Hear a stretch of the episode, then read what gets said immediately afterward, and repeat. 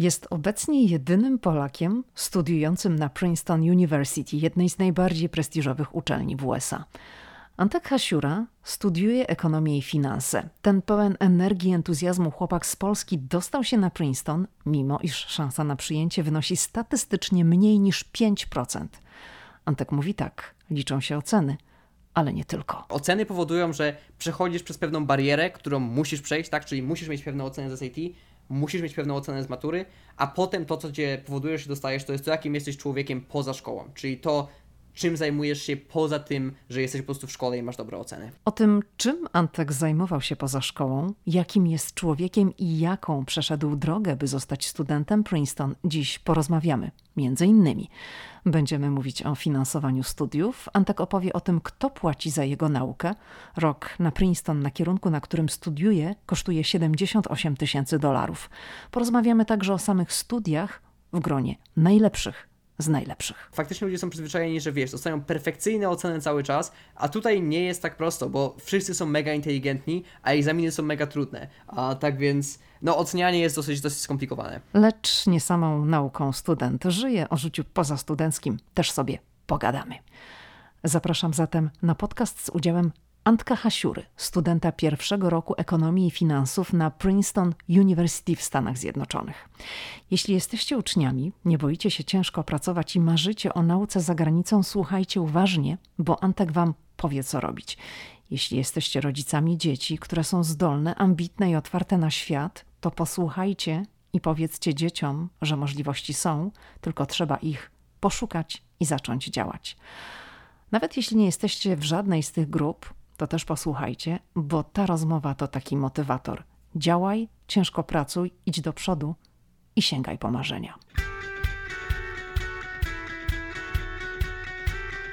Hej, tu Lidia Krawczuk, dziewczyna ze Szczecina, która wylądowała w Waszyngtonie. Ameryka mnie fascynuje, żyję w niej od ponad dekady i cały czas ją odkrywam. Podróż do Stanów Zjednoczonych była zawsze moim marzeniem. Nie sądziłam jednak, że w Ameryce kiedyś zamieszkam. Jeśli Ciebie, tak jak mnie, ciekawią Stany i chcesz wiedzieć o nich więcej, to jesteś we właściwym miejscu. Opowiadam tu o Ameryce, o życiu w Stanach i o tym wszystkim, co odkrywam podczas mojej amerykańskiej przygody. Zapraszam na podcast Ameryka i ja. Zaczynamy.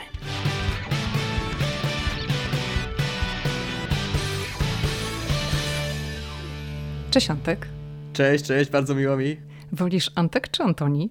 E, Antek mniej formalnie, myślę, że lepiej.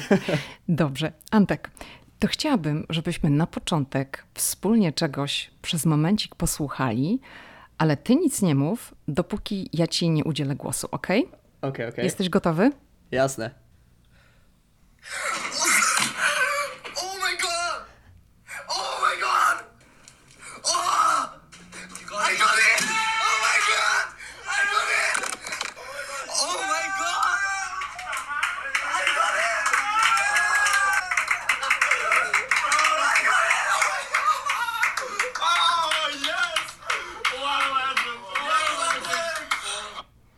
Ty wiesz, co to jest, prawda? wiem, wiem, wiem. Widzę, że przeszukałaś trochę internet w poszukiwaniu materiałów ze mną.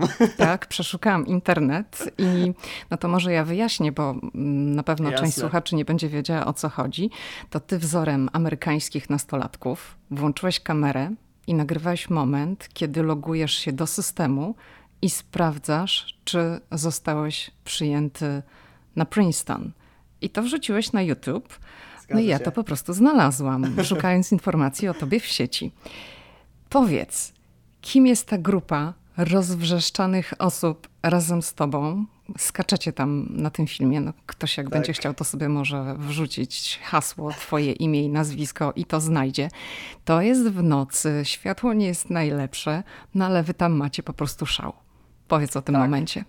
To jest, to jest pierwsza w nocy, a pierwsza w nocy to był, a, zdaje się, grudzień, ponieważ ja zaaplikowałem na Princeton wcześniej, to była moja wymarzona uczelnia. I ci wszyscy skaczący ludzie to są, to jest właściwie mój cały akademik, e, ponieważ ja byłem w takiej szkole międzynarodowej z internatem w Bośni i Hercegowinie, więc ci wszyscy cieszący się ludzie to są moi współlokatorzy po części, moich trzech współlokatorów, a, i potem wszyscy, którzy mieszkali z nami w naszym akademiku. Tak więc tak, to był bardzo ważny moment. Aplikacja do Stanów, moment, w którym dostajesz się, czyli klikasz ten przycisk View Update, czyli zobacz wynik swojej aplikacji, jest zawsze takim ogromnym momentem, czymś, co jest bardzo, bardzo ważne i dużo ludzi faktycznie nagrywa swoje reakcje i ja stwierdziłem, a w sumie czemu nie, tak, najwyżej się nie dostanę, trudno, będę miał, a, zrobię filmik z ośmioma reakcjami później, tak, ze wszystkich uczelni, które bym zaaplikował, w momencie, w którym dostałem się na Princeton, nie musiałem już aplikować nigdzie więcej, a, ale tak, no bardzo fajny moment, bardzo dobrze go wspominam, a więc zachęcam obejrzeć, bo myślę, że to motywujące. Ja pamiętam przed moim rokiem aplikacyjnym obejrzałem masę tych filmików e, ludzi, którzy aplikowali na studia Właśnie i otwierali tam, swoje o, napisałeś aplikacje. o tym w opisie tego tak. filmiku, mhm, że to była dla ciebie inspiracja i też chciałeś zainspirować innych. Zdecydowanie, zdecydowanie. To jest to, no nie wiem, w jaki sposób to motywuje. Słuchaj, jak oglądasz ludzi, którzy cieszą się, e, skaczą z radości, widząc wyniki swojej aplikacji, jest to coś, co jest mega motywujące. A powiedz, dlaczego tam na ekranie, w momencie, kiedy ty zalogowałeś się do tej aplikacji i oczekiwałeś na ten moment, czy tak, czy nie, tam się pojawił tygrys?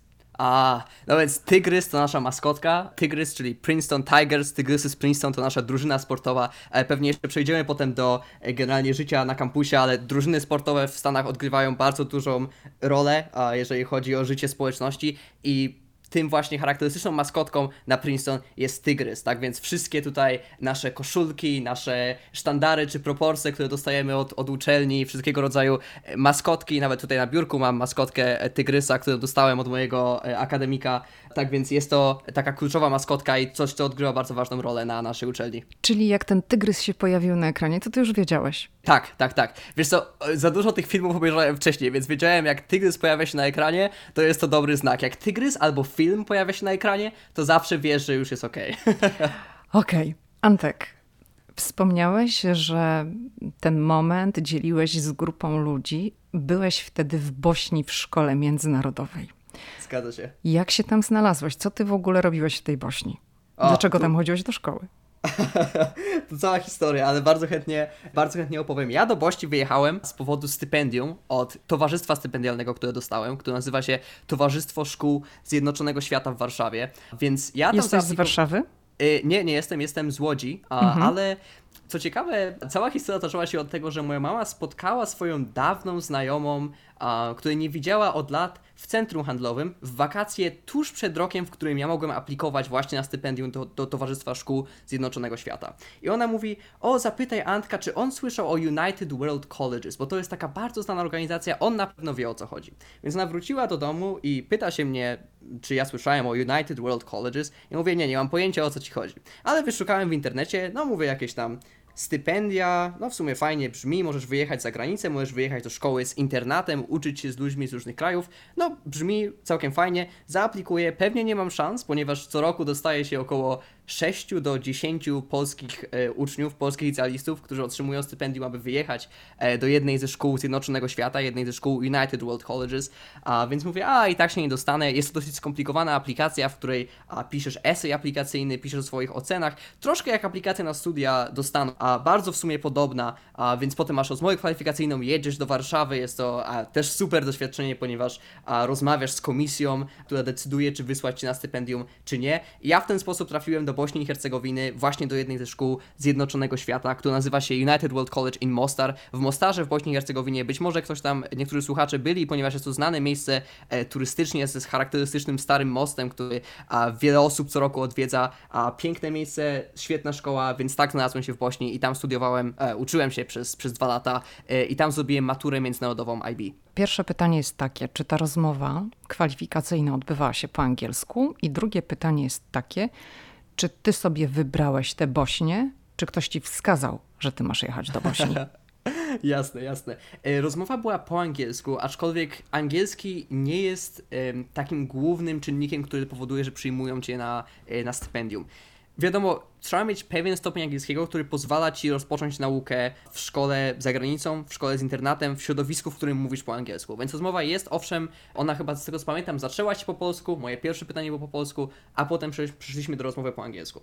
Jak a, się wtedy tak czułeś więc... w języku? Pewnie a... uczyłeś się angielskiego długo. Wiesz, będę cię o takie rzeczy pytała, bo Jasne. zakładam, że ten podcast będzie no, taką inspiracją dla wielu osób, które być może nie mają odwagi, żeby pewne kroki podjąć, a ty im mhm. tej odwagi dodasz. Jasne, jasne. A wiesz co, ja uczyłem się angielskiego no przez całkiem, całkiem długi czas, ale wiesz co, mój poziom angielskiego, ja byłem w grupie średnio zaawansowanej w moim liceum, z tego co pamiętam, a co bardzo było takim czymś, co bardzo chciałem dostać się do grupy zaawansowanej i potem byłem bardzo zły, że się nie dostałem, ale potem dostałem się na stypendium i uczyłem się po angielsku, tak więc nie mogłem finalnie narzekać.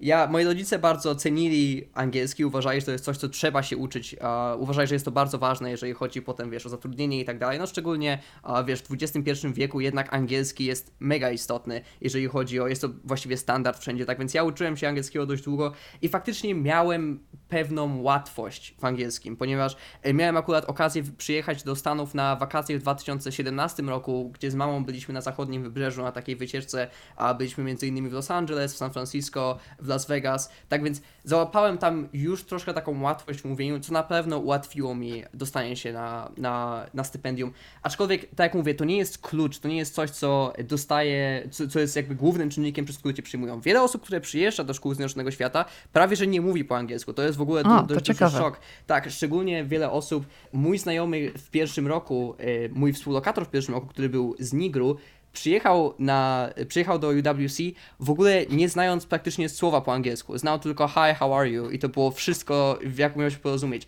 i po dwóch latach zdał maturę IB i teraz studiuje w Stanach. A, tak więc angielski, wiadomo, pewnie pomaga i pewnie polski komitet faktycznie bierze to pod uwagę, e, ale to nie jest tak, że jest to główny czynnik i myślę, że wiesz, załapałem taką, e, taką łatwość w angielskim, ale tak jak mówię, wszystko jest w tej sytuacji możliwe. To jakie są inne czynniki poza językiem? No i potem jeszcze właśnie, jakbyś powiedział, czy ta Bośnia to był twój wybór, czy ktoś za ciebie mhm. zdecydował? Wiesz co, inne czynniki, tak jak mówię, jest dużo w sumie takich rzeczy, które są podobne, jeżeli chodzi, do aplika- jeżeli chodzi o aplikację na studia do Stanów. Czyli w pewnym stopniu oceny musisz mieć pewien wynik z egzaminów. W moim przypadku były to egzaminy gimnazjalne, teraz będą to egzaminy ósmoklasisty, czyli co roku jest pewien próg, około tam chyba w moim roku to było około 70 czy 80% e, wyniki z egzaminu, które musisz mieć. Średnią ocen, która też co roku troszkę się waha, z tego co mi się wydaje w moim roku było to 4,75 z ocen, czyli to były takie pierwsze dwie rzeczy, które musisz jakby mieć, żeby w ogóle zaaplikować. E, no i plus to, co generalnie powoduje, że dostajesz moim zdaniem, e, to jest to po pierwsze, jakim jesteś człowiekiem, jak ciekawy świata jesteś i jak twoje rzeczy, które robisz poza szkołą, powodują to, że jakby te zainteresowania faktycznie są realne. Czyli Co robiłeś twoje... poza szkołą? Wiesz co, ja angażowałem się w całkiem sporą ilość wolontariatów, a byłem poza tym, trenowałem bieganie, tak więc miałem, a, wiesz, no dosyć dużo e, czasu spędzałem na stadionie. No i poza tym byłem dość zaangażowany w e, samorząd uczniowski. W mojej szkole samorząd uczniowski grał bardzo dużą rolę e, w szkole, co bardzo mi się przez długi czas podobało. Tak więc ja byłem mocno zaangażowany w samorząd szkolny, a więc to były takie główne aktywności, które. A wolontariat? Wiesz co, wolontariat, głównie miałem wolontariat właściwie na biegach, więc na przykład łódzki maraton był jeden, był jeden z wolontariatów, w którym brałem udział. A więc wiesz, w pewnym stopniu oczywiście połączenie z moją pasją biegania. Wiesz, jeżeli ta historia ma, ma sens i ona się w jakiś sposób łączy, to oczywiście są to pewne plusy, tak? Więc mój wolontariat był właściwie powiązany także z moim sportem. To jeszcze powiedz, dlaczego Bośnia? Czy ty sobie te Bośnie wybrałeś, czy po prostu ktoś zdecydował za ciebie? Słuchaj, ilość razy, którą, którą usłyszałem to pytanie jest bardzo duża, ponieważ każdy się mnie pyta, dlaczego ty wyjechałbyś do Bośni ze wszystkich miejsc, które możesz wybrać, prawda? Żeby uczyć się w liceum, wybierasz Bośnię i Hercegowinę. Ja pamiętam tuż przed wyjazdem w ogóle, ludzie zadawali mi pytania typu, czy tam jest cukier, czy tam jest prąd, czy tam jest wojna cały czas, czy już się skończyła. A, więc odpowiadając na te wszystkie pytania, jest cukier, jest prąd i nie ma wojny. Jak ta Bośnia, jak, ta, jak do tej Bośni trafiłem, e, ona została mi przypisana Komitet e, Polski, Komitet Narodowy, który wybiera studentów, wybiera uczniów, żeby wyjechali do szkół Zjednoczonego Świata. Także próbuje wybrać szkołę, która będzie pasowała pod zainteresowania danego ucznia, czyli dopasowuje się tą szkołę w zależności od tego, kto jakie ma e, cechy, jakie ma zainteresowania. W moim przypadku ja byłem mocno zainteresowany i do, do tej pory jestem e, polityką, tak więc te nauki społeczne, polityczne było czymś, co mi się mocno podobało, a ta szkoła w Bośni i Hercegowinie powstała z taką misją, e, aby pokazać Bośniakom, którzy mieli wiele konfliktów na tle etnicznym, że ludzie z różnych części świata mogą mieszkać razem i uczyć się w jednym miejscu, żyć razem de facto w tych samych budynkach i miała duże zaangażowanie właśnie w rzeczy polityczne, wiele wolontariatów, jeżeli chodzi o obozy uchodźców, bo Bośnia była mocno dotknięta przez kryzys uchodźców, a z, także dość rozwinięty klub Model United Nations, czyli takiej symulacji obrad y, ONZ-u, który jest bardzo, to jest dosyć znany program i właśnie w Bośni był mocno rozwinięty, e, tak więc stąd do Bośni trafiłem, ale zdecydowanie nie narzekam, była to super przygoda i zawsze mówię, że pewnie nigdy w życiu nie wyprowadziłbym się do Bośni, gdyby nie do szkoły UWC, do Szkoły Zjednoczonego Świata. Jest to myślę, że ciekawe doświadczenie, ponieważ mocno docenia się to, jak inne jest nasze życie w Polsce, jakie mamy dostęp, jaki mamy dostęp do znakomitych możliwości. Oczywiście wiadomo, byłem w szkole międzynarodowej, prestiżowej szkole międzynarodowej z internatem. Wiadomo, miałem super naukę, miałem super zdolności akademickie, a super możliwości aplikacji na studia, ale też widziałem życie normalnych bośniaków, którzy chodzili do zwykłych, do zwykłych szkół i jednak powoduje to szczególnie, wiesz, narzekanie na, na życie w Polsce, narzekanie na y, to, jak wygląda sytuacja w Polsce. Myślę, że jest to ciekawa perspektywa, którą warto w ten sposób zobaczyć i to jest coś, co no nieczęsto się zdobywa taką, taką perspektywę, no chyba, że nie wiem, wyjeżdżasz na misję dyplomatyczną do Bośni i Hercegowinie, co raczej a, wiele osób tego nie doświadczy, tak więc, a było to super doświadczenie. Czyli rozumiem, że w Bośni spędziłeś dwa lata, zatem przerwałeś naukę w szkole średniej w Polsce, żeby skończyć ją w Bośni, tak? Tak, przerwałem naukę i jakby wyszedłem z polskiego systemu, czyli ja już nie zdawałem polskiej matury, zdawałem tylko maturę IB i to niestety powoduje to, że no nie masz jakby polskiego dyplomu, ale mimo wszystko z maturą IB wciąż, jeżeli na przykład wyjedziesz na No to na będziesz miał dyplom tak. Princeton, tak? No to... Ja, no tak, nie, to, to oczywiście, ale jeżeli na przykład stwierdziłbyś po dwóch latach liceum, że wyjazd za granicę nie jest dla ciebie, to mimo wszystko matura IB wciąż daje możliwości aplikacji na polskie, na polskie studia, tak? Więc to jest całkiem bezpieczna opcja też pod tym kątem, tak? Czyli mamy opcję aplikacji za granicę, ale jeżeli chcemy wrócić, bo y, stwierdziliśmy, że życie za granicą nie jest dla mnie, jest też taka możliwość. To jak to się stało, że z Bośni wylądowałeś w Stanach? No rozumiem, że w międzyczasie aplikowałeś na Princeton. Tak. I czy to była taka twoja idea fix? A, to sobie tam zaaplikuję na Princeton. Co tam? Czemu nie? czy ktoś cię do tego namówił, ktoś cię dopingował? No i miałeś kogoś takiego, kto w ogóle wskrzesił w tobie to pragnienie, żeby wyjechać do Stanów i studiować na jednej z najbardziej prestiżowych amerykańskich uczelni. Wiesz co, ja muszę szczerze powiedzieć, że jeszcze pewnie na pierwszym roku mojej nauki w Bośni ja w ogóle nie sądziłem, że będę aplikował na uczelnię, wiesz, Ligi Bluszczowej, Ivy League. To było coś w ogóle, co stwierdziłem, że jest kompletnie poza zasięgiem. Ja myślałem, o jak dostanę się na tam University of Florida, University of Oklahoma, to będę mega szczęśliwy, będę super zadowolony. A czyli te Stany już ci tam wtedy chodziły po głowie? E, wiesz co, tak, ponieważ dużo osób z mojej szkoły po prostu aplikuje do Stanów, więc jest dużo możliwości. Mamy też taki program stypendialny, który jest typowo skierowany dla uczniów, którzy kończą szkoły Zjednoczonego Świata. On nazywa się e, Program Stypendialny imienia Shelby'ego Davisa. To jest taki znany milioner, który bardzo lubi ruch e, szkół Zjednoczonego Świata, tak więc funduje dużo stypendiów dla nas, aby, aby móc studiować w Stanach. Tak więc dużo osób do Stanów faktycznie wyjeżdża, a więc stąd te Stany, ja już w pewnym stopniu myślałem oczywiście, że będę miał taką możliwość, ale mówię, aspirowałem na zdecydowanie gorsze uczelnie, ale potem potem, wiesz co, zaprzyjaźniłem się z dużą ilością osób w mojej szkole, które były bardzo ambitne, jeżeli chodzi o, o studia, jeżeli chodzi szczególnie o amerykańskie uczelnie. Miałem bardzo dobrą znajomą z Chin, która nazywała się Michelle.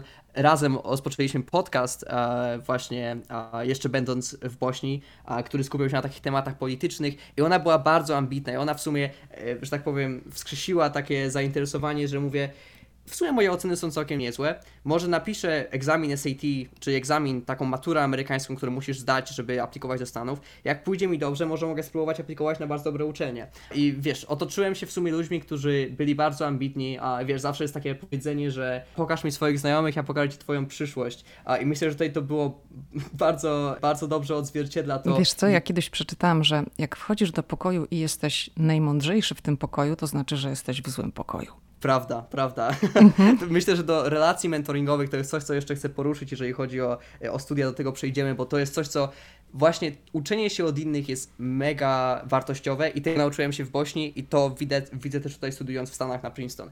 Ale no właśnie, więc dzięki tym znajomym zaaplikowałem finalnie na Princeton. E, oczywiście moja szkoła też no, w porównaniu do polskich szkół oferowała dużo więcej takiego wsparcia, jeżeli chodzi o aplikację. Mieliśmy specjalną osobę zatrudnioną, która nazywała się doradca do spraw uniwersytetów, z którą spotykałeś się na swoim drugim roku i ona jakby no, sugerowała ci, jakie masz opcje, co warto rozważyć. Ja w ogóle sądziłem, że będę aplikował na Yale, przez długi czas to była moja wymarzona uczelnia, ale ona mówi, a zobacz Princeton, Princeton jest bardzo fajne, może Princeton ci się podoba. Ona mówi, ja bym cię widziała na Princeton. A ja mówię, no okej, okay, no może czemu nie, więc zobaczyłem Princeton, obejrzałem dużo filmików na Princeton, nie, nie tylko reakcji, jeżeli chodzi o otwieranie listów, ale także filmów samego kampusu. I kampus Princeton jest faktycznie przepiękny, jakość edukacji jest znakomita, Princeton jest mocno skupiony na pierwszym stopniu studiów, czyli ci doktoranci to są powiedzmy lekko, troszkę bardziej drugorzędni niż pierwszy stopień studiów. To jest to, na czym Princeton się mocno skupia i z tego wyróżnia się na tle innych szkół e, Ligi Bluszczowej. Tak więc e, ja mówię, no w sumie czemu nie? Zaaplikowałem na Princeton we wczesnej decyzji, czyli w takim wcześniejszym trybie e, aplikacji, który powoduje, że jeżeli się dostaniesz, no to masz oczywiście wcześniejszą, a wcześniej wiesz, że możesz iść na studia. Tak więc dostałem się wcześniej i potem już nie musiałem się przyjmować, szczególnie, że w międzyczasie rozpoczęła się pandemia, tak więc ja na szczęście wchodząc już, że tak powiem, w koronawirusa, wiedziałem, że mam miejsce na studiach i to było troszkę, no jednak uspokajało, jeżeli chodzi o sytuację na, na następny rok. To może tutaj tak wyjaśnijmy słuchaczom, którzy być może część nie wie do końca, że Ivy League, czyli ta liga bluszczowa, o której opowiadasz, to jest grupa uniwersytetów w Stanach Zjednoczonych, które są zaliczane do tych najbardziej prestiżowych. I może ja tutaj wymienię te uczelnie. Mhm. To jest Brown University, Columbia, Cornell, Dartmouth, Harvard, Princeton, University of Pennsylvania i Yale. I powiedz, co to tak naprawdę znaczy studiować na jednej z tych uczelni? tak, tak jak mówię, są takie najstarsze, najbardziej prestiżowe i znane uczelnie. One się faktycznie wyróżniają taką, no właśnie, no, konotacją doskonałości akademickiej, selektywności ogromnej wykutacji, o której pewnie też porozmawiamy jeszcze później, bo to wskaźniki przyjęć na te uczelnie to wahają się około 5 do 7%, w tym roku nawet niżej, na Princeton to spadło poniżej 4, tak samo na Harvardzie. No i też w pewnym stopniu takiej elitarności społecznej, to też jest ciekawy aspekt tego wszystkiego są to bardzo prestiżowe uczelnie, które dają absolwentom możliwość dostania się na znakomite ścieżki kariery i tak dalej. No, absolwentów, którzy otrzymują nagrody Nobla jest masa. Ostatnio sprawdzałem na Princeton, jest to chyba 69, na Harvardzie, który to jest no, najbardziej znaną uczelnią, to jest chyba 161 laureatów Nagrody Nobla, więc jest to masa ludzi, plus bardzo znane osoby. Na Princeton powiedzmy, uh, oczywiście nie będę wymieniał, bo absolwentów jest masa, którzy są bardzo znani, ale między innymi Michelle Obama, jeżeli ktoś widział film Becoming, ona studiowała na Princeton, Jeff Bezos, nie wiem czy teraz najbogatszy człowiek na świecie, ale założyciel Amazona, który został prześcignięty przez Ilona Maska przez chwilę, jeżeli chodzi o najbogatszego człowieka, ale być może już wrócił na pierwszą pozycję. W każdym razie no, ludzie, tam którzy... wymieniają tak. Tak, wymieniają się. osiągają mega sukcesy. Jest oczywiście to także masa prezydentów, Woodrow Wilson, który ukończył Princeton, JF Kennedy, który na Princeton rozpoczął studia, potem przetransferował się na Harvard.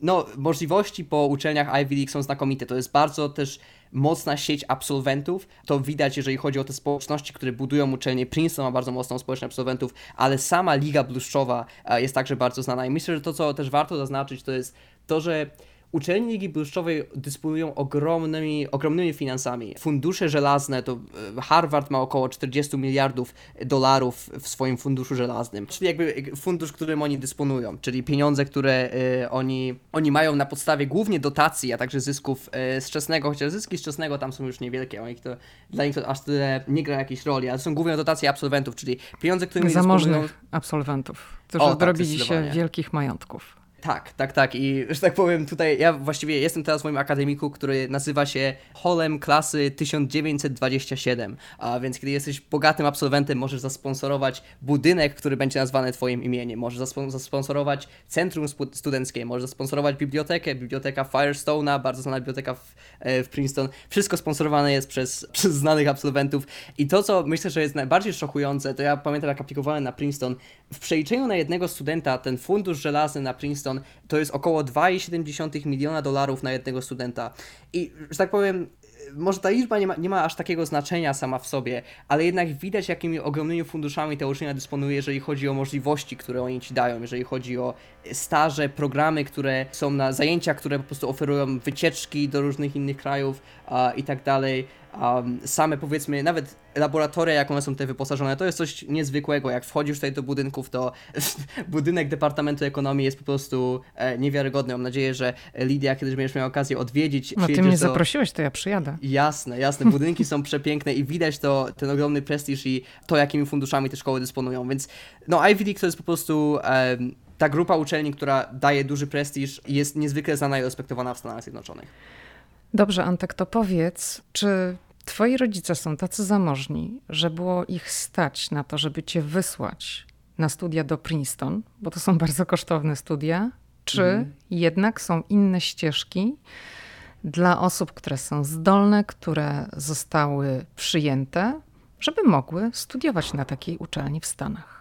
Słuchaj, bardzo bym chciał, żebyśmy byli tak zamożni, ale muszę powiedzieć, że na polskie zarobki to w ogóle jest to dosyć trudne, żeby być tak zamożnym, żeby móc tutaj. E, specjalnie przeliczyłem Ci tuż przed naszą rozmową, a ile kosztuje mój rok. Mój rok na Princeton kosztuje 78 tysięcy dolarów, czyli w przeliczeniu na polskie złote to jest po obecnym kursie 296 tysięcy, 296,5 tysiąca e, złotych, no czyli, a to jest rok, to musisz mieć takie cztery. A, tak więc jest to dosyć e, kosztowna atrakcja. Powiem Ci, że dla amerykańskich amerykańskich rodzin wcale nie aż taka kosztowna, ponieważ na Princeton właściwie połowa studentów nie otrzymuje żadnej pomocy finansowej. Wiele osób, którzy wiesz, mieszkają w zamożnych częściach New Jersey, tutaj wiesz, na tych przedmieściach Nowego Jorku, to nie jest dla nich aż takie wyzwanie, ale dla Polaków. Ale tak wiesz, no niektórzy mm, oszczędzają dla dzieci na college od urodzenia tak. tych dzieci, więc są przygotowani finansowo na to. To w Ameryce jest trochę inne myślenie. Jasne. No, ale my ale... nie jesteśmy niestety. Tak, no to powiedz, jak było w Twoim przypadku. Jasne. No, ja oczywiście otrzymuję od Princeton bardzo duże stypendium i generalnie, kiedy dostajemy się na takie, na takie studia, to najczęściej, no jakoś to uczelnie są zamożne i tak jak wcześniej wspominaliśmy, rozmawialiśmy na temat funduszy żelaznych i funduszy, jakimi dysponują, oni są w stanie dużą część tego pokryć, w zależności od tego, co oni wykalkulują jako potrzeba Twojej rodziny, czyli to, ile oni uważają, że Twoja rodzina jest w stanie dopłacić, a resztę da Ci uczelnia. Na jakiej a... podstawie to robią? Musisz przedstawić zeznanie podatkowe rodziców? Yy, zgadza czy... się. Mhm. Tak. Musisz przedstawić zeznanie podatkowe i musisz przedstawić, zdaje się, oszczędności. To w ogóle jest takie dosyć szokujące, ponieważ nigdy w Polsce się te, czegoś takiego nie robi. Nikt nie prosi o twój PIT, żeby oszacować twoją potrzebę pieniędzy, jeżeli chodzi o pójście na studia. Tak więc, ale tak, dostajesz, e, musisz dać swoje pity, musisz dać swoje dokumenty, które mówią o twoich funduszach, które trzymasz w bankach i oszacować swoje wydatki mniej więcej. Oczywiście ty opisujesz swoją sytuację, na przykład jeżeli yy, nie wiem, twój brat studiuje albo twoja siostra jest w szkole, która jest prywatna i to płacisz, no to oczywiście to wszystko tłumaczysz dla tego biura pomocy finansowej, które potem decyduje, jaką, jaką, jaką stypendium powinni ci przyznać. I tutaj dodam, że to działa różnie, jeżeli chodzi o różne uczelnie. Tak więc są dwa typy aplikacji o pomoc finansową. A pierwszy, ten, w którym ja aplikowałem, czyli Need Blind, to jest tryb, w którym sytuacja materialna, twoja sytuacja finansowa jest kompletnie ignorowana przy podejmowaniu decyzji, czy przyjąć się na studia. A, czyli kiedy ten komitet aplikacyjny dostaje twój, e, twoją aplikację, to oni widzą tylko twoje osiągnięcia akademickie, tylko twój common app, czyli tak zwaną aplikację wspólną, którą wysyła do wszystkich uczelni, czyli tam masz swoje osiągnięcia akademickie, swoje oceny, swoje zainteresowania pozaszkolne i oni nie widzą twojego, twojej sytuacji finansowej. Czyli po prostu dają ci tyle stypendium po przyjęciu ciebie, ile jest ta wykalkulowana potrzeba, o której wcześniej rozmawialiśmy. Ale to jest tylko pięć uczelni dla studentów międzynarodowych w Stanach, jeżeli się nie mylę. E, jest to Harvard, Yale, Princeton, MIT i Amherst, czyli to jest bardzo mała grupa. Dla Amerykanów będzie to, to, to grupa troszkę większa i oczywiście te uczelnie, szczególnie dla studentów międzynarodowych, są bardzo konkurencyjne. Tam wskaźniki przyjęć będą bardzo niskie, szczególnie dla studentów międzynarodowych, bo jest konkurencja bardzo duża, ponieważ one oferują najczęściej najlepsze stypendia i jest największa szansa, że cię nie odrzucą z powodu tego, że musieliby dopłacić za dużo do tego, abyś ty mógł pójść na studia. Tym drugim typem, bardziej znanym i bardziej typowym, jest aplikacja Need Aware, a, czyli sytuacja, w której przy podejmowaniu decyzji brana pod uwagę jest Twoja sytuacja materialna. Czyli biorą pod uwagę to, czy Ty jesteś w stanie opłacić czesne. A, oczywiście wtedy jest to plusem, tak? Ponieważ oni, jeżeli wiedzą, że jesteś w stanie zapłacić za studia, y, no to będzie im prościej zaoferować ci miejsce, tak? Ponieważ oczywiście będą mieli jakiś zysk z tego. To nie jest tak, że nie da się na tę uczelnię dostać, ponieważ one wciąż, przecież między innymi tymi uczelniami jest część uczelni Ivy League, m.in. Columbia, Dartmouth. Dla studentów międzynarodowych te wszystkie uczelnie są need aware, ale mimo wszystko studentów międzynarodowych przyjmują i dają im dobre stypendia. A, tak więc to nie dyskwalifikuje, ale wiadomo, na te uczelnie, które nie biorą pod uwagę sytuacji finansowej, aplikując z Polski, bo najczęściej nasza sytuacja finansowa będzie gorsza a, niż sytuacja Amerykanów, no to wiadomo, na te uczelnie warto się zastanowić, czy nie, nie celować, tak? Czyli w te uczelnie need blind, te uczelnie, które nie biorą pod uwagę waszej sytuacji finansowej. Tak było w moim przypadku ja z Princeton otrzymałem znakomite stypendium. A oczywiście ona co roku musi zaaplikować kolejny raz na stypendium, czy oni co roku jakby robią ewaluację znowu tych pitów, swoich wydatków i tak dalej i to kalkulują, ale najczęściej a, te uczelnie, m, mm, wydaje mi się, że średnia, sprawdzałem właśnie tuż przed naszą rozmową, a jaka jest średni koszt na Princeton, to jest około 10 tysięcy dolarów, tak de facto. Czyli na, po pomocy finansowej to jest najczęściej koszt, który ludzie średnio ponoszą, którzy są na pomocy, na pomocy finansowej. Tak Czyli więc... to, co ty musisz rocznie zapłacić. Znaczy, no, nie, niekoniecznie w moim przypadku, ale generalnie tak powiedzmy, że średnio najczęściej ludzie by taki koszt ponosili. E, oczywiście wydaje mi się, że jest jakiś taki, jest taki, jest liczba, wydaje mi się, a, chyba 75 tysięcy dolarów, przynajmniej w moim roku to było coś takiego, że jeżeli zarabiasz mniej niż 75 tysięcy, to chyba zawsze kwalifikujesz się na pełne stypendium. To pewnie się zmienia co roku, e, ale pamiętam, że w moim roku był, było, był to taki cut-off dla pełnego stypendium. A powiedz Antek, jak ty podejmowałeś decyzję o aplikowaniu na Princeton, to myślałeś o tym, dobra, aplikuję, w ogóle nie przejmuję się w tej chwili finansami, niech się dzieje wola nieba, potem będę się martwił. Trochę tak. Przyznam, że nie przejmowałem się aż tak finansami, bo stwierdziłem, że no wiesz co, co się stanie, to się stanie, tak? No jak się dostanę, to mam nadzieję, że dostanę takie stypendium, które pozwoli mi pójść na studia. Co prawda, szczerze mówiąc, moja, moja pierwsza oferta stypendialna nie była aż tak wspaniała. Ja dopiero moją ofertę stypendialną negocjowałem i dostałem lepszą, ale bo to też jest możliwość. Potem możesz negocjować swoją ofertę finansową, jeżeli masz oferty z innych uczelni. Możesz użyć tych ofert, aby poprosić swoją uczelnię, aby oni... Miałeś oferty z innych uczelni? Zaaplikowałem troszkę tak, troszkę bezcelowo zaaplikowałem właśnie, żeby spróbować lepszą dostać lepszą ofertę z innych uczelni. Zaaplikowałem na Dartmouth uh, i tam to jest też jedna z uczelni Ivy League. Tam też się dostałem i dostałem lepszą ofertę finansową niż z Princeton. Uh, tak więc użyłem jej do negocjacji z Princeton. Plus jedna z takich mniejszych uczelni, University of Richmond, która znajduje się w Virginii, zaoferowała mi takie stypendium, które to nie było stypendium na podstawie moich, mojej sytuacji finansowej, tylko stypendium to jest bardzo rzadko się takie coś w Stanach dzieje, ale czasem oni oferują, te szczególnie te mniejsze szkoły oferują tak zwane merit-based based scholarship, merit-based scholarship, czyli stypendia na podstawie twoich zdolności akademickich powiedzmy. I oni zaoferowali mi takie stypendium, że oni zapłaciliby za moje 4 lata Plus jeszcze dopłaciliby mi za to, że ja tam jestem, jakiś tam grant na mój własny research, na moje własne badania, gdybym chciał, to oni jeszcze mi to dopłacą, więc ja miałem taką ofertę i kiedy przedstawiłem ją Princeton, to Princeton zwiększyło moje stypendium, abym wybrał finalnie Princeton. Tak więc... Antek, to powiedz, co ty w sobie takiego masz? Jakie są twoje talenty? Musisz mieć te talenty. No, jesteś zdolnym człowiekiem, młodym człowiekiem. To, że studiujesz na tej uczelni jest potwierdzeniem, ale takich zdolnych, młodych ludzi jest masa na całym świecie. Jasne. Co przeważyło o tym, że to właśnie ty zostałeś przyjęty na Princeton? To jesteś tam jedynym Polakiem? Niestety na tę chwilę tak. Um, wiesz co? Myślę, że to podkreślę to, co powiedziałaś. Jest masa zdolnych ludzi i jest masa ludzi, którzy mają bardzo dobre wyniki z liceum, bardzo dobre wyniki z SAT. To jest taki egzamin, który zdajesz do 1600 punktów, a i potem, no, jest wiele osób, które ma maksymalne wyniki z tego egzaminu, mimo wszystko nie dostaje się na studia. Jest to bardzo niestety powszechne, ponieważ jest masa takich aplikantów. I to nie jest to, oceny oczywiście są jedne. Moje oceny były dobre i moje oceny były były z matury międzynarodowej, tak więc to jest program, który jest mocno respektowany. Ja miałem też dosyć trudne przedmioty na maturze międzynarodowej, które oni, e, no widzieli to, że są trudne przedmioty, więc Jakie? moje wyniki, a ja miałem rozszerzoną e, chemię, ekonomię i politykę i na poziomie standardowym miałem, bo tam wybierasz 3 na rozszerzeniu, 3 na standardzie. E, na, standardzie miałem matematykę, literaturę angielską i hiszpański. A tak więc, no szczególnie takie rzeczy, jeżeli bierzesz na przykład literaturę angielską jako osoba, która nie mówi po angielsku jako swoim pierwszym językiem, no to oni, to jest coś, co oni faktycznie doceniają, tak? Więc no wiadomo, moje przedmioty, moje oceny były dobre, mój wynik z SAT był bardzo dobry, miałem 1540 punktów a na 1600, tak więc to jest taki wynik, który no, jest w stanie dostać się na, na Princeton, na inne szkoły Ivy League także. Ale poza ocenami, to myślę, że to, co spowodowało, że dostałem, to było to, że miałem dużo zajęć pozaszkolnych i takich ciekawych aktywności. Jedną z nich, co ciekawe, był podcast, o którym właśnie wspominałem wcześniej, więc e, zawsze bardzo lubię być na podcastach. Jak pewnie się orientujesz, już lubię dosyć mówić i rozmawiać. I szybko mówić. Dużą, I szybko mówić, dokładnie. A, tak więc e, to jest coś, co sprawia mi dużą przyjemność.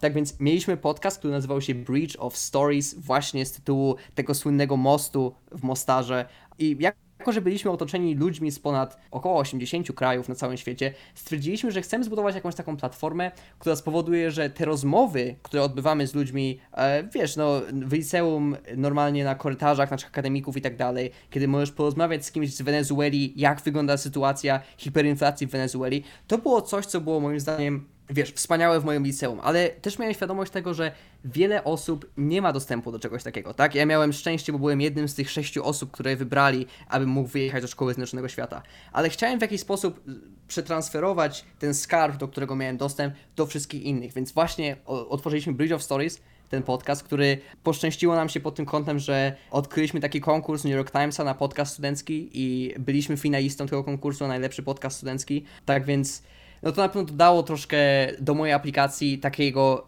czegoś realnego, tak? No bo wiadomo, możesz mieć podcast, ma, możesz też mieć podcast, który jest respektowany i ma dużą ilość słuchaczy. Więc to było, to było, wiesz, w naszym przypadku. Poza tym, wiesz, byłem zaangażowany w inne rzeczy. Wolontariat przez długi czas został ze mną. Tak jak mówiłem, obozy uchodźców, w których pracowałem przez długi czas, bo to było coś, co mocno mnie interesowało jako, jako temat polityczny, tak więc byłem w to mocno zaangażowany. A, no i także y, debata, czyli właśnie Model United Nations, symulacja OBAT ONZ. Byłem jednym z osób, które zajmowały się organizacją naszej konferencji w szkole, która była jedną z największych konferencji, właściwie największą konferencją na Bałkanach, międzynarodową konferencją, na którą przyjeżdżali ludzie z całego świata, aby zrobić symulację obrad ONZ właśnie w naszej szkole. Tak więc, wiesz, była to, były to głównie te aktywności, które spowodowały, myślę, że to, że finalnie dostałem się na studia. Bo tak jak mówię, oceny powodują, że przechodzisz przez pewną barierę, którą musisz przejść, tak? Czyli musisz mieć pewną ocenę z SAT, musisz mieć pewną ocenę z matury, a potem to, co cię powoduje, że dostajesz, to jest to, jakim jesteś człowiekiem poza szkołą. Czyli to, czym zajmujesz się poza tym, że jesteś po prostu w szkole i masz dobre oceny. To powiedz, jakie było Twoje pierwsze zderzenie z Princeton? No jeszcze to było zdarzenie w pandemii, prawda? Tak. no, niestety, moje pierwsze zdarzenie z Princeton było no takim ciekawym doświadczeniem, ponieważ moje pierwsze zderzenie to było z Princeton Online, zawsze się śmialiśmy, a więc Princeton Online... Ale robiłeś ten online z Bośni, czy już tutaj w Stanach będąc? E, byłem w Polsce wtedy w ogóle, a o. wróciłem w czasie koronawirusa do domu na chwilę i zostałem tam, bo myślałem, że to będzie chwila, a okazało się, że wcale nie była to chwila. A, tak więc zostałem, na pierwszym semestrze byłem w domu i moje zderzenie szczególnie z, z 6-godzinną różnicą czasową nie było najprzyjemniejszym doświadczeniem, ponieważ miałem zajęcia, które odbywały się na przykład od pierwszej do czwartej w nocy polskiego czasu, ale mimo wszystko był to w sumie wiesz fajny semestr y, pod kątem tego, że miałem czas skupić się mocno na, na, na, przedmiotach szkolnych i mimo wszystko zawarłem o dziwo pewną ilość znajomości, które kiedy przyjechałem w końcu na kampus, to o dziwo mimo tego, że tych ludzi widziałem tylko na Zoomie, czyli widziałem tylko ich, prawda, ramiona i głowę przez pierwszy semestr, to faktycznie całkiem się z nimi zaznajomiłem. I przyjeżdżając na kampus y, miałem bardzo fajną taką bazę, dołączyłem do wielu klubów, wielu aktywności e, na uczelni takich pozaszkolnych, które oczywiście, no miałem czas się zaangażować w te wszystkie e, spotkania, aby tam pójść codziennie, tak, oczywiście, bo to wszystko było na Zoomie, tak więc musiałem tylko przekliknąć się na nowe spotkanie, a jako, że byłem w domu, ja mieszkam na takich przedmieściach Łodzi, tak więc no, dużo się tam nie dzieje w kontekście, wiesz, jakichś mega ciekawych aktywności codziennych. Zwłaszcza a... w pandemii się też dużo zwłaszcza, nie dzieje. Zwłaszcza w pandemii, więc wiesz, wychodziłem sobie pobiegać, potem brałem się za rzeczy szkolne i tak dalej. Tak więc no, na pewno myślę, że zderzenie, to co było ciekawe, to jednak to, że wymagania, jeżeli chodzi o takie zdolności akademickie, są faktycznie duże, szczególnie jeżeli chodzi o egzaminy. Poza tym praca wspólna z innymi ludźmi jest kluczowa. Jest, ona nawet nie jest zachęcana, ona jest praktycznie wymagana. Czyli jeżeli dają ci pracę domową, to oni właściwie oczekują, że ty będziesz pracował z innymi ludźmi. Co na Zoomie wcale nie było takie proste, ponieważ wiesz, kiedy jesteś e, tutaj i jesteś na seminarium, tam powiedzmy 40 osobami, to możesz do kogoś podejść, o, chcesz popracować nad tą pracą, pracą domową w ten weekend? No oczywiście, że tak, tak. A daj nam taki łatwo... przykład pracy wspólnej z innymi ludźmi. A wiesz co, najczęściej to e, siedzimy sobie tutaj w jakiejś lokalnej bibliotece i próbujemy rozwiązywać zadania z matematyki, e, ponieważ wiesz, ekonomia jest mocno matematyczna. Nie wiem, czy powiedziałem, że studiuję ekonomię i finanse, tak więc. Mhm. nie powiedziałeś takich... tak. Właśnie, nie powiedziałem. Studiuję ekonomię i finanse, więc dużo, wiesz, zadań matematycznych, tego typu statystyka i tak dalej. A tak więc najczęściej to jest taka... Ale dlaczego wiesz... macie to robić wspólnie? Bo no przecież jako przyszły ekonomista to powinieneś potrafić to robić samodzielnie, tak? A jeżeli pracujesz z kimś, no to tak zakładam. Jeżeli ty nie wiesz, no to kto inny może to zrobić. Wiesz co, myślę, że oni dają na te zadania tak, żeby one nie były takie, żebyś mógł je sobie rozwiązać tak sobie. A Aha. oni oczekują, że to będzie dla ciebie wyzwanie najczęściej. Oczywiście wiesz, nie wszystko, tak, ale często zdarza się, że to jest coś, co faktycznie jest sporym wyzwaniem i oni nie oczekują, że ty będziesz tego w stanie rozwiązać sam. Tak więc, wiesz, ja w ogóle jestem zdania, że i patrząc na perspektywę Bośni i teraz na Stany, najwięcej nauczyłem się w sumie od innych ludzi poza samą salą lekcyjną. Tak, oczywiście w sali lekcyjnej nauczyłem się wielu rzeczy takich typowo, wiesz, matematycznych i tak dalej, ale to jednak, wiesz, te rozmowy z innymi, wspólna praca nad zadaniami, to było coś, co myślę, że było najbardziej wartościowe w tych wszystkich doświadczeniach. I w ogóle, wiesz, bycie na Ivy League myślę, że w dużej części też ten zysk, który otrzymujesz, to jest ta wartość dodana. To są ci ludzie, z którymi masz okazję żyć w jednym miejscu, masz okazję z nimi pracować i w ten sposób, wiesz, oni zachęcają, że ty budujesz sieć kontaktów na tej, na tej, na tej uczelni, budujesz sieć znajomości i ludzi, którzy mają podobne pasje, tak? Więc w ten sposób, wiesz, to jest praktycznie kluczowa część tej, tej całej nauki, więc wiadomo, czasem, wiesz, możesz pewnie, możesz pracować sam, jeżeli chcesz, ale generalnie, no oni oczekują, że będziesz współpracował z innymi ludźmi i te zadania są faktycznie, wiesz, wymagające i trudne. No oczywiście egzaminy pracujesz sam, ale e, prace domowe są pod tym kątem całkiem fajne. Jak wygląda sesja egzaminacyjna? Na Princeton? Jak wyglądają same egzaminy? Czy można w ogóle nie zdać? Princeton, jako że to jest taka bardzo, wiesz, prestiżowa i stara uczelnia, ma coś, co nazywa się Honor Code, czyli kodeks honorowy. I egzaminy nigdy nie są pilnowane przez nikogo. Na, w trakcie normalnego roku przychodzisz do danej sali o danej godzinie i nie ma tam nikogo, kto pilnuje cię, czy ty nie ściągasz. Po prostu podpisujesz na każdym egzaminie, piszesz takie słowa, które mówią, że o, na tym, na tym egzaminie um, zrobiłem wszystko, co, do czego zobowiązuje mnie kodeks honorowy Princeton i oni oczekują, że ty nie będziesz ściągał i nie będziesz oszukiwał, nie będziesz przepisywał od innych ludzi.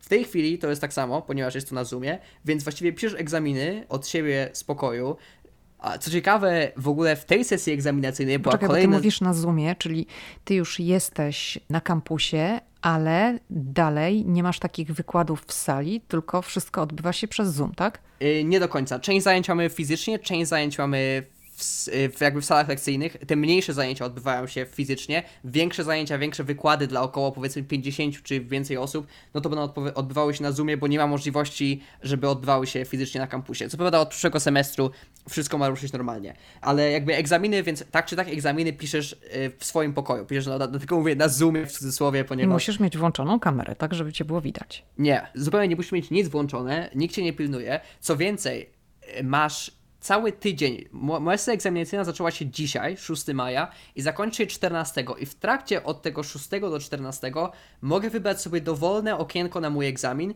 i je napisać w tym okresie i po prostu dodać je na tą platformę, na której mamy egzaminy. E, nikt cię nie pilnuje, tylko podpisujesz kodeks, który mówi, że nie ściągałeś. I że tak powiem i to może brzmieć dla niektórych, że to jest głupie i że ludzie i tak ściągają, ale muszę powiedzieć, że w Stanach jest dużo większe takie poczucie jakiejś odpowiedzialności społecznej. I ludzie faktycznie się mocno stosują. Myślę, że pewnie, wiesz, nawet ta podstawy, wiesz, jak działa kwarantanna w Stanach, jeżeli chodzi o koronawirusa. Nikt cię nie pilnuje, nikt cię nie sprawdza. Siedzisz w domu i oni oczekują wszyscy, że to zrobisz, bo masz taką odpowiedzialność społeczną. To nie jest tak jak w Polsce, że wiesz, przyjeżdża policja i codziennie sprawdza, czy ty siedzisz faktycznie w swoim domu. Tak samo działają egzaminy. Czyli oni oczekują, że ta odpowiedzialność odpowiedzialność społeczna jest na tyle duża i jakby poczucie odpowiedzialności, jeżeli chodzi o misję naszej uczelni, a o misję edukacyjną jest tak duże, że ludzie nie będą oszukiwali. A i jakby te rzeczy, które mogą się stać, jeżeli oszukujesz, jeżeli one dojdą do takiego wniosku, są najczęściej tak dużym zniechęceniem, że ludzie raczej nawet nie próbują, ponieważ jeżeli oni stwierdzą, że oszukujesz, w jakiś sposób, wiesz, dojdą do wniosku, że oszukiwałeś na egzaminie, to zdaje się, musisz wziąć rok przerwy plus tracisz swoją pomoc finansową na następny semestr. Tak więc no, generalnie nie warto. Myślę, że lepiej mhm. dostać z jednego egzaminu B lub C niż musieć zrobić rok przerwy i albo zostać w ogóle wyrzuconym z uczelni, jeżeli to się zdarza któryś raz. Tak więc tak działają egzaminy na Princeton. Czy można nie zdać? Dobre pytanie, jeszcze nie próbowałem. wiem, że wiem, że na pewno Wiesz, oceny u nas są dawane na podstawie krzywej, a co jest też w ogóle ciekawe, ponieważ... Co to znaczy na podstawie krzywej? Czyli w zależności od tego, jak ci pójdzie na egzaminie, w stosunku do innych ludzi, taką ocenę dostajesz. Czyli na przykład, jeżeli masz średnią, to dostajesz B. Jeżeli jesteś powyżej średniej, to dostajesz B+. Jeżeli jesteś dużo powyżej średniej, dostajesz A. Więc tak to, tak to wygląda, czyli tak wygląda ocenianie. A oczywiście tak czyli teoretycznie układana... moglibyście się skrzyknąć. Dobra, to nauczmy się tak trochę, to będzie średnia taka sobie. No to, ale wszyscy dostaną B wtedy, to nie, to wiesz, to tak no, nie zadziała. No to... to nie, nie, nie, wiele osób to nie, nie, nie usatysfakcjonuje, tak? Więc nie, no, studenci oczywiście. Princeton nie, nie zgadzają się na ocenę B. A tak więc, wiesz, Princeton oczywiście jest akurat znany jest z tego, A dostałeś że... kiedyś jakieś B? Niestety tak, zdarzyło mi się dostać B, szczególnie z matematyki. Matematyka jest dosyć dużym wyzwaniem, szczególnie, że nasze średnie z egzaminów na, z matematyki to było około 50%, co myślę, że obrazuje mniej więcej... Ale B to jest czwórka.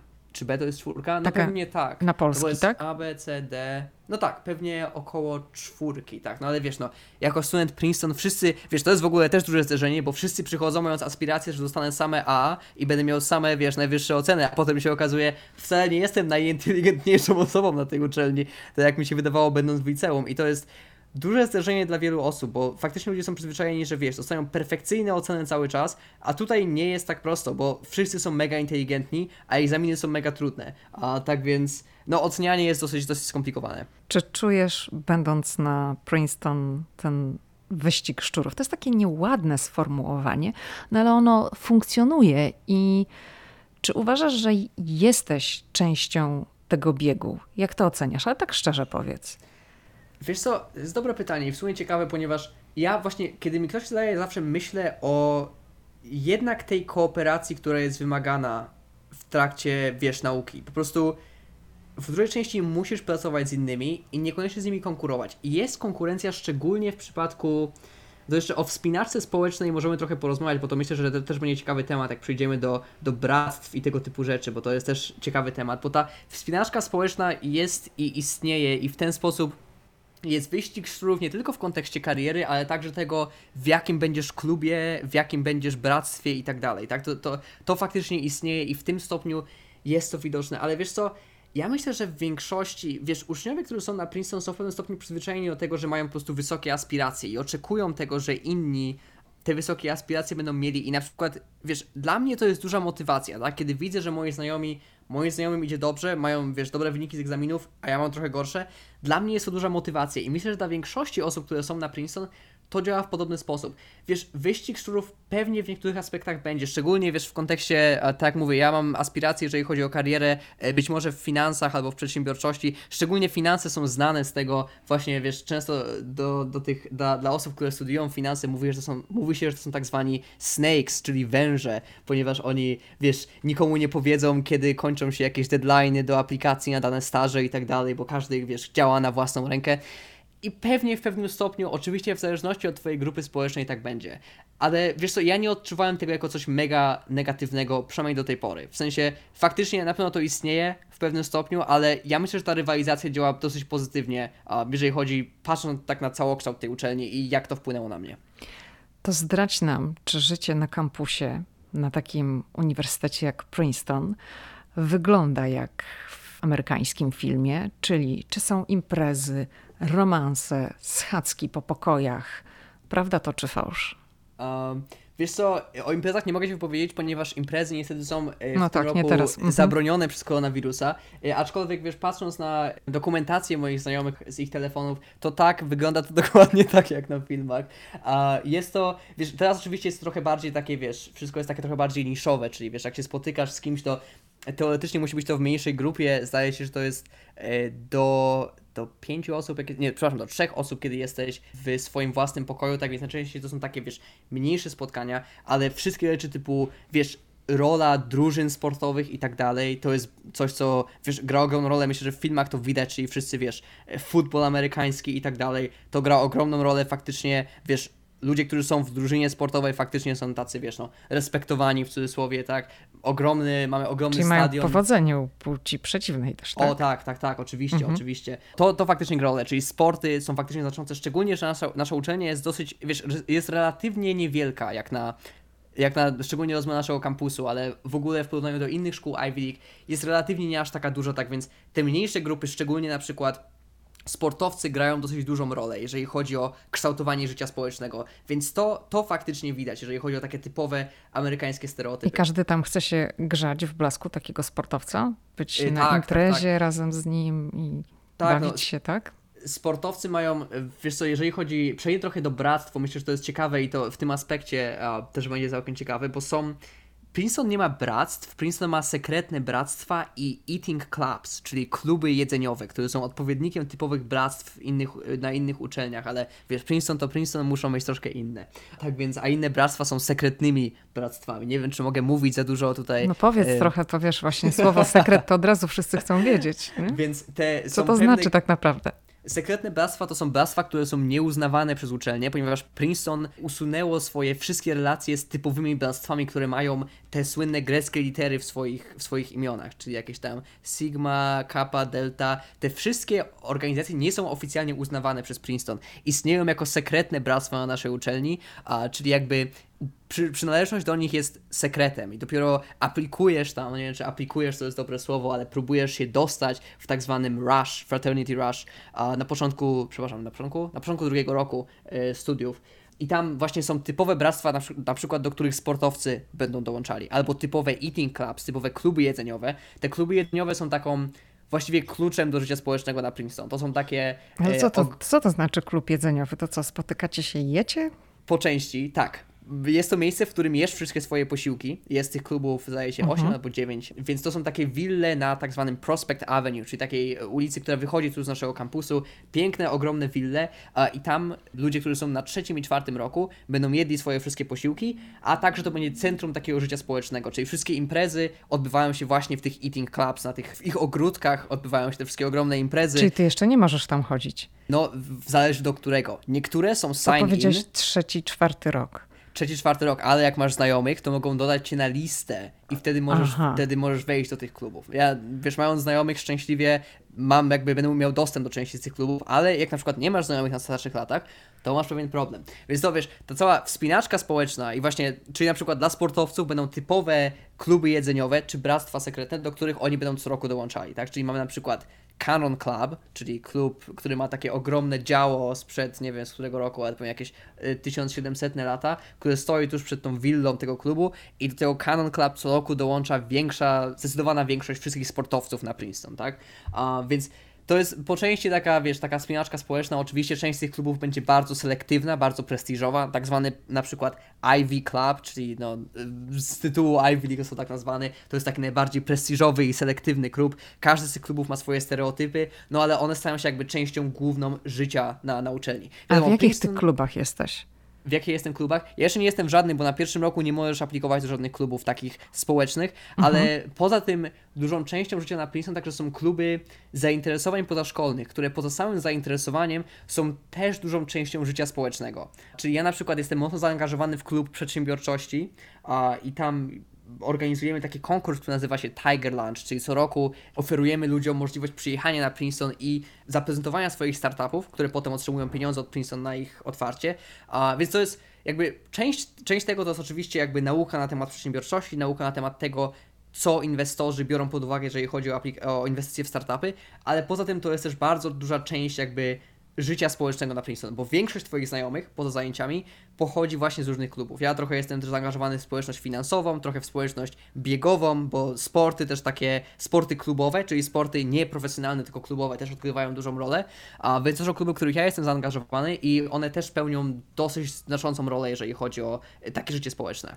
Czy ty zaobserwowałeś albo czy zgadzasz się w ogóle z takim stwierdzeniem? Bo ja już słyszałam od dosyć wielu osób, że jak na studiach sobie kogoś nie znajdziesz, że właśnie najczęściej ludzie znajdują sobie tą tak zwaną drugą połówkę w czasie studiów. I wtedy niekoniecznie może wychodzą za mąż, ale to jest, czy, czy się żenią, ale to jest ta osoba na życie, że później jak już się wpada to dorosłe zawodowe życie, no to w Ameryce się tak dużo intensywnie pracuje, że jak sobie wówczas w tym okresie studenckim kogoś nie znajdziesz, to jest bardzo trudno, że potem to trzeba mhm. bazować na tych aplikacjach randkowych, no bo w wielu korporacjach są zakazane związki między pracownikami. Czy rozmawiacie na ten temat i czy rzeczywiście zauważyłeś coś takiego, że ludzie wchodzą w takie relacje między sobą mhm. z taką nadzieją na przyszłość?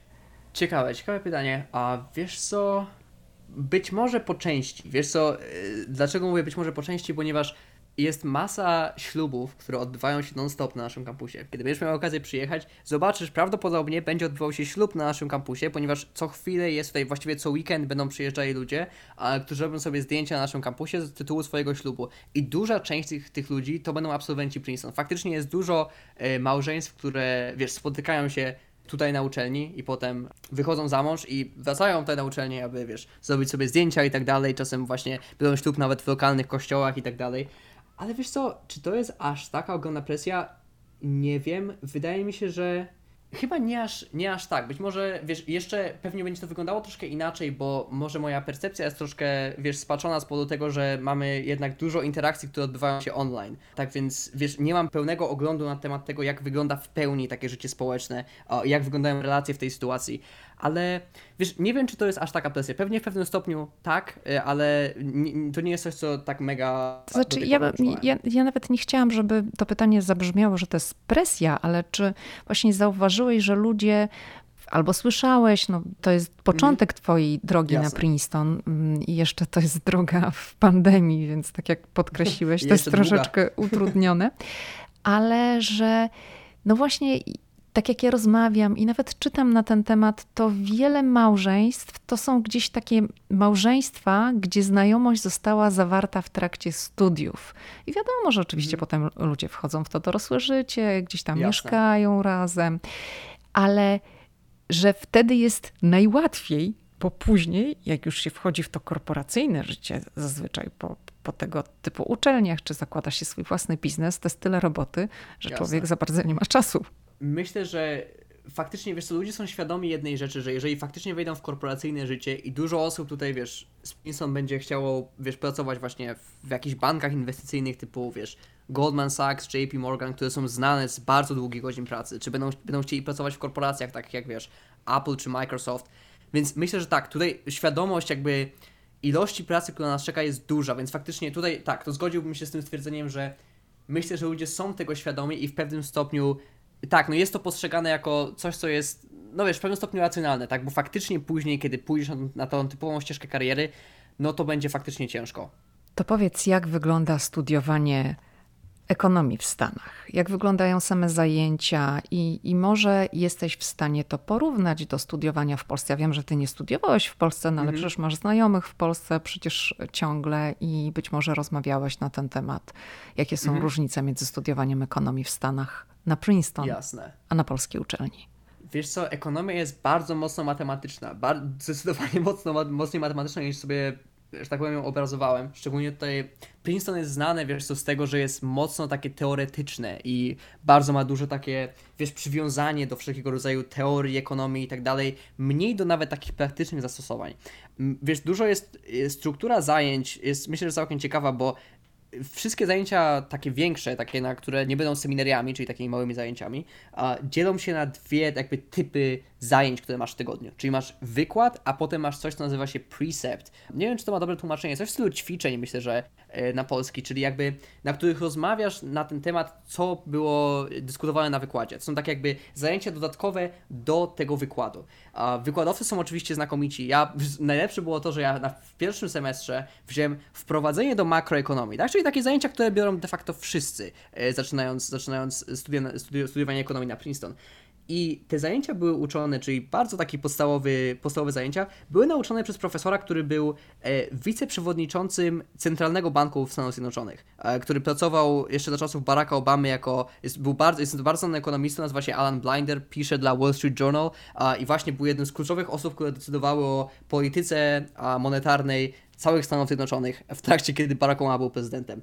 I to było coś, co było takie, wow, uczą mnie ludzie, którzy naprawdę są mega, nie tylko inteligentni, ale także mają mega osiągnięcia a, i zrobili niewiarygodne rzeczy, tak więc to było coś, co było świetne i faktycznie, wiesz, duży plus z tego jest taki, że oni, wiesz, poza tym, że uczą cię tej teorii, to też uczą cię tego na podstawie swoich doświadczeń, co oni o tym myślą, tak? Czyli na przykład, wiesz, kiedy on pracował w tym banku centralnym, to wiesz, to czego de facto on się z tego nauczył? Oni oczywiście, wiesz, starają się być jak najbardziej neutralni, kiedy tłumaczą wszystkie rzeczy, jeżeli chodzi szczególnie o tematy polityczno-ekonomiczne, ale wiesz, dzielą się swoimi doświadczeniami i to jest, to jest, wiesz, to jest super. Nie wiem do końca, jak wyglądają studia w Polsce ekonomiczne, a, bo wiesz, nie miałem przyjemności i szczerze mówiąc, większość moich znajomych, co ciekawe, studiuje w Polsce informatykę albo medycynę. Tak więc nie mam aż takiego dobrego porównania, ale wiesz, tak to wygląda w Princeton. Są to studia, które są dosyć mocno teoretyczne, ale uczone przez znakomitych wykładowców. Są bardzo ciekawe, dużo cię uczą na temat takiego, wiesz, generalnie funkcjonowania gospodarki, funkcjonowania polityki, jak to wszystko, wiesz, się łączy i tak dalej, e, bo przez długi czas w ogóle chciałem studiować politykę, ale potem mi się e, odwiedziało, stwierdziłem, że wiesz, jakbym nawet chciał pracować w polityce w przyszłości, to muszę rozumieć ekonomię. Stwierdziłem, że to jest coś, co jednak jest taką podstawą, aby potem móc dyskutować o polityce. A, tak więc stąd to się wzięło i na razie jestem mega zadowolony. Powiedziałeś o wybieraniu przedmiotów. Mhm. To jakie ty sobie wybrałeś przedmioty? To znaczy, jeszcze takie mam dodatkowe pytanie. Jak aplikowałeś na Princeton, no to po prostu aplikowałeś, ale już musiałeś jakoś tam zadeklarować, że ciebie interesuje ekonomia, czy po prostu jesteś przyjęty na uczelnię, a potem to się dzieje w jakim ty idziesz kierunku? Tak, aplikujesz i deklarujesz teoretycznie, jakie są twoje zainteresowania. Z tego, co mi się wydaje, wybierasz trzy albo dwa, albo trzy kierunki, ale możesz też kliknąć, że jesteś niezdecydowany. I to jest kompletnie w porządku, ponieważ uczelnie w Stanach mają duże takie podejście do interdyscyplinarności. I myślę, że to, na co oni wiesz, zwracają uwagę, to jest to, że studia powinny być takim czasem, co jest zupełnie innym podejściem niż w Polsce, bo w Polsce, wiesz, deklarujesz swoje rozszerzenie już w liceum i już musisz wiedzieć, gdzie idziesz. W Stanach studia mają być czymś takim, co to jest okres eksploracji cały czas, czyli okres, w którym możesz sobie zobaczyć, jakie, jakie dziedziny studiów Ci się dopiero podobają. Uh, czyli kiedy przychodzisz na studia, czyli pierwszy, pierwsze dni w Princeton, będą wyglądały tak, że spotykasz się ze swoim doradcą do spraw y, akademickich, który jest profesorem w danym departamencie i rozmawiasz z nim na temat tego, jakie są Twoje zainteresowania i wybierasz dopiero cztery kursy, cztery albo pięć, y, ile chcesz, i te kursy mogą być zupełnie niezwiązane z tym, co ty masz studiować, albo co myślisz, że będziesz studiować. Ja na pierwszym semestrze uczyłem się, poza tym, że masz y, jeszcze takie wymogi generalne, edukacyjne, czyli kilka przedmiotów tam z literatury, z języka, które musisz zrobić, e, ale generalnie możesz wybierać plus minus co chcesz. A ja na pierwszym semestrze uczyłem się wprowadzenia do makroekonomii, matematyki, analiza matematyczna dla y, ekonomii i nauk społecznych, hiszpański, zaawansowany hiszpański, to, były takie, to był taki kurs, który trochę poza samym językiem uczył trochę na temat hiszpańskiej kultury, a szczególnie kultury hiszpańskiej w Stanach Zjednoczonych, y, bardziej latynoskiej, e, żeby być bardziej poprawnym tutaj. I czwarty kurs, który był bardzo ciekawy, to było moje seminarium, które nazywało się Porażka, czyli brat sukcesu i innowacji. I to było świetne seminarium z Departamentu Przedsiębiorczości e, z profesorem, który uczył nas jaka jest wartość pewnych, wiesz, potknięć w swojej drodze. Szczególnie to jest ciekawe, ponieważ jak aplikujesz na Princeton, to najczęściej to są ludzie, którzy osiągają masę sukcesów. I kiedy rozpoczynasz naukę, jednym z pierwszych seminariów, na które udało mi się trafić, to było seminarium na temat porażek i wartości porażek, to było coś, co było super. Wiesz, to jest seminarium w małej grupie, 12 osób, gdzie dzielisz się swoimi doświadczeniami, spotykasz się z profesorem, który napisał, wiesz, pracę i książki na ten temat e, i to było świetne, więc wiesz, masz dosyć duży wybór takich przedmiotów, które są mega ciekawe i masz czas, żeby sobie zobaczyć, co ci się de facto podoba. Ja o tej porażce, dość... jak mówisz, to jest dla mnie takie ciekawe. Mówię, jaka porażka? My, kurczę, wszyscy przyjęci do Princeton, królowie świata, oni nam tutaj o porażce. No właśnie, no wiesz, no, kiedyś porażki się zdarzą i myślę, że uczą nas ciekawych rzeczy pod kątem mm -hmm. tego, że wiedzieć sobie, jak z tym radzić i jak traktować to jako wartość. To oczywiście, były, to... ja sobie zażartowałam, jasne. Jasne, jasne, oczywiście, że tak. Nie, to, ale to były mega zajęcia. Mój chyba ulubiony przedmiot do tej pory na Princeton. Yy, mega ciekawy, ale tak jak mówię, masz czas, wiesz, eksploracji, mimo tego, że ja wiedziałem, że, że chcę studiować ekonomię i nadal jestem zdecydowany, to jakby, wiesz, też nie wykluczałem, że o, może mi coś odwiedzi, może wezmę, wiesz, trzy zajęcia z ekonomii i mi się nie będą żadne podobały. Więc to, co jest fajne, to to jest to, że nie ma takiej jakby ścieżki, którą koniecznie musisz podążać, tak? Czyli nie jest ci dane, że ok, musisz wziąć te i te przedmioty w tym momencie, na pierwszym roku musisz wziąć powiedzmy wprowadzenie do mikroekonomii, na drugim roku to, na to trzecim tamto. Masz dużo większą wolność i to jest moim zdaniem bardzo fajne, bo mówię, nie zamykać do drogi w pewnych w danych kierunkach. Antek, to powiedz, jakie masz plany? Gdzie zamierzasz żyć? W Ameryce, w Polsce czy gdziekolwiek na świecie? Co będziesz robił? Ja wiem, że przed tobą jeszcze długa droga, bo to jest pierwszy rok studiów, no ale myślę, że ty już mm, bardzo intensywnie główkujesz nad tym, jaka jest twoja przyszłość. To będzie jakaś firma, jakiś startup w USA albo może coś innego. E, wiesz co, tak, no ciągle oczywiście się zastanawiam a, i myślę, że wiesz, no dużą rolę odegra to, co stanie się na moim drugim, trzecim roku, bo tutaj staże wakacyjne są mega ważne. To, co w Polsce, co ciekawe, nie jest w ogóle jakimś specjalnie dużym tematem, ale tutaj staże wakacyjne są bardzo istotne i one de facto dyktują to, gdzie potem dostajesz oferty pracy. E, ja w te wakacje pracuję w takim e, funduszu inwestycyjnym Venture Capital, czyli takim funduszu, który inwestuje w startupy, który zlokalizowany jest w Chile i on inwestuje w startupy w Ameryce Południowej głównie, a także w Meksyku i południu Stanów Zjednoczonych. E, tak więc wiesz, interesuję się tematami, wiesz, takiego powiedzmy połączenia przedsiębiorczości i finansów, więc być może będę pracował w tej dziedzinie, zobaczymy, wiesz, że tak powiem, biorę pod uwagę to, że wszystko jeszcze może się zmienić. Tak więc, ale tak na razie w tej chwili aspiruję. Gdzie się znajdę, nie mam pojęcia. Być może w Stanach, jeżeli będę miał taką możliwość, oczywiście, wiesz, nic nie jest pewne, tak, mimo tego, że szczególnie, wiesz, ze zmieniającą się polityką imigracyjną, nigdy nie wiesz, jak będą wyglądały sprawy wizowe, sprawy aplikacji o wizy na pracę i tak dalej. E, tak A więc, Princeton tak chwili... otwiera takie drzwi, no bo jesteś tutaj, masz pobyt rzecz jasna legalny, jesteś na tak. wizie studenckiej, jak zakładam. Czy Princeton mm, potem ułatwia, a może nie wiem, czy sama uczelnia, ale czy, czy, czy, fakt, że jest się absolwentem Princeton ułatwia to, żeby no, móc uzyskać albo wizę pracowniczą odpowiednią, albo zieloną kartę? Zdecydowanie, ponieważ w pierwszej kolejności jest większa szansa, że ktoś przyjmie cię do pracy, jeżeli będziesz, wiesz, absolwentem dobrej uczelni, tak? Czyli w sytuacji, w której ukończysz Princeton, masz dużo większą szansę dostania się na przykład, wiesz, do znanych firm i tak dalej, a szczególnie, że wiesz, te duże firmy, czyli na, nie wiem, jak pracujesz powiedzmy w Apple, no to Apple ma dużo większe możliwości finansowe sponsorowania po tej twojej wizy, potem twojej wizy pracowniczej. Tak więc to w ten sposób jest całkiem, no to faktycznie pomaga. Samo Princeton też możesz być zatrudniony przez samo Princeton, oczywiście po ukończeniu studiów, możesz pójść na, yy, bo też otwiera się to możliwości, jeżeli chodzi o wyższe stopnie studiów, tak? Jeżeli chcesz zrobić master's degree, czy potem doktorat, to masz takie możliwości oczywiście bo Princeton, mając dobre oceny, masz dużą szansę dostać się na świetne uczelnie. Tak więc pod tym kątem na pewno, no wiesz, no oczywiście pracodawca jest bardziej chętny zatrudnić kogoś, kto ukończył Princeton, niż jakąś losową uczelnię, wiesz, na, yy, nie wiem, na południu Stanów Zjednoczonych, o której nikt nie słyszał, tak? Wiesz, wszystko jest możliwe oczywiście i wiele osób z mniejszych uczelni dostaje się do dużych firm i dostaje wizy pracownicze, ale oczywiście, wiesz, idąc na uczelnię taką jak Princeton, masz dużo większe szanse pod tym kątem. A widzisz swoją przyszłość w Stanach? Wiesz co, nie wiem, czy mogę to powiedzieć, bo nie wiem, czy to nie, nie zniszczy mojego statusu imigracyjnego, ale, y, ale wiesz co, być może tak, w sensie y, myślę, że tutaj warto wziąć pod uwagę to, że życie w Stanach całkiem mi się do tej pory podoba. Podoba mi się całkiem kultura pod kątem takiego, wiesz, indywidualnego podejścia, ciężkiej pracy. To jest coś, z czym mocno ja się identyfikuję i uważam, że to jest bardzo fajne. Dosyć duży też optymizm ludzi, który zauważyłem, w sensie, wiesz, idziesz sobie ulicą i wszyscy się z tobą witają bardzo często. No, jest to coś, co jest moim zdaniem fajne i ludzie są trochę bardziej otwarci. Stany mi się podobają, masz masę możliwości, jeżeli chodzi o, o pracę, szczególnie właśnie w takich dziedzinach właśnie startupów czy jakichś finansów. No to jest jednak centrum tego, tego wszystkiego, rozwoju technologii, rozwoju, wiesz, nowych firm i tak dalej. Więc być może tak, e, zobaczymy jakie będą możliwości, ale tak rozważam. To kiedy będziesz pisał ten swój egzamin na Zoomie? Mój egzamin na Zoomie? Wiesz co, no mogę wybrać od 6 do 14, oscyluję na jakieś pewnie dziewiąty, a potem drugi napiszę 13, ponieważ mam jeszcze szczepionkę na koronawirusa, moją drugą dawkę dziesiątego, w tym w środku tego wszystkiego, tak więc muszę to, wiesz, mocno rozplanować, ale na razie chyba szykujemy się na dziewiąty. To Antku, życzę Ci, w Polsce to się mówiło na maturze chyba połamania piór. Nie wiem, co się mówi w Stanach, jak, co się mówi w Stanach, jak się życzy komuś takiego powodzenia na egzaminie. Coś się mówi, czy nie? Chyba tylko mówi się good luck. Nie wiem, czy specjalnie coś możesz powiedzieć. No właśnie. Chyba nie. No chyba to nie. good luck, Antku. dzięki, dzięki. Dziękuję Ci bardzo za rozmowę. Dzięki, super. Bardzo miło było być na podcaście. Dzięki wielkie.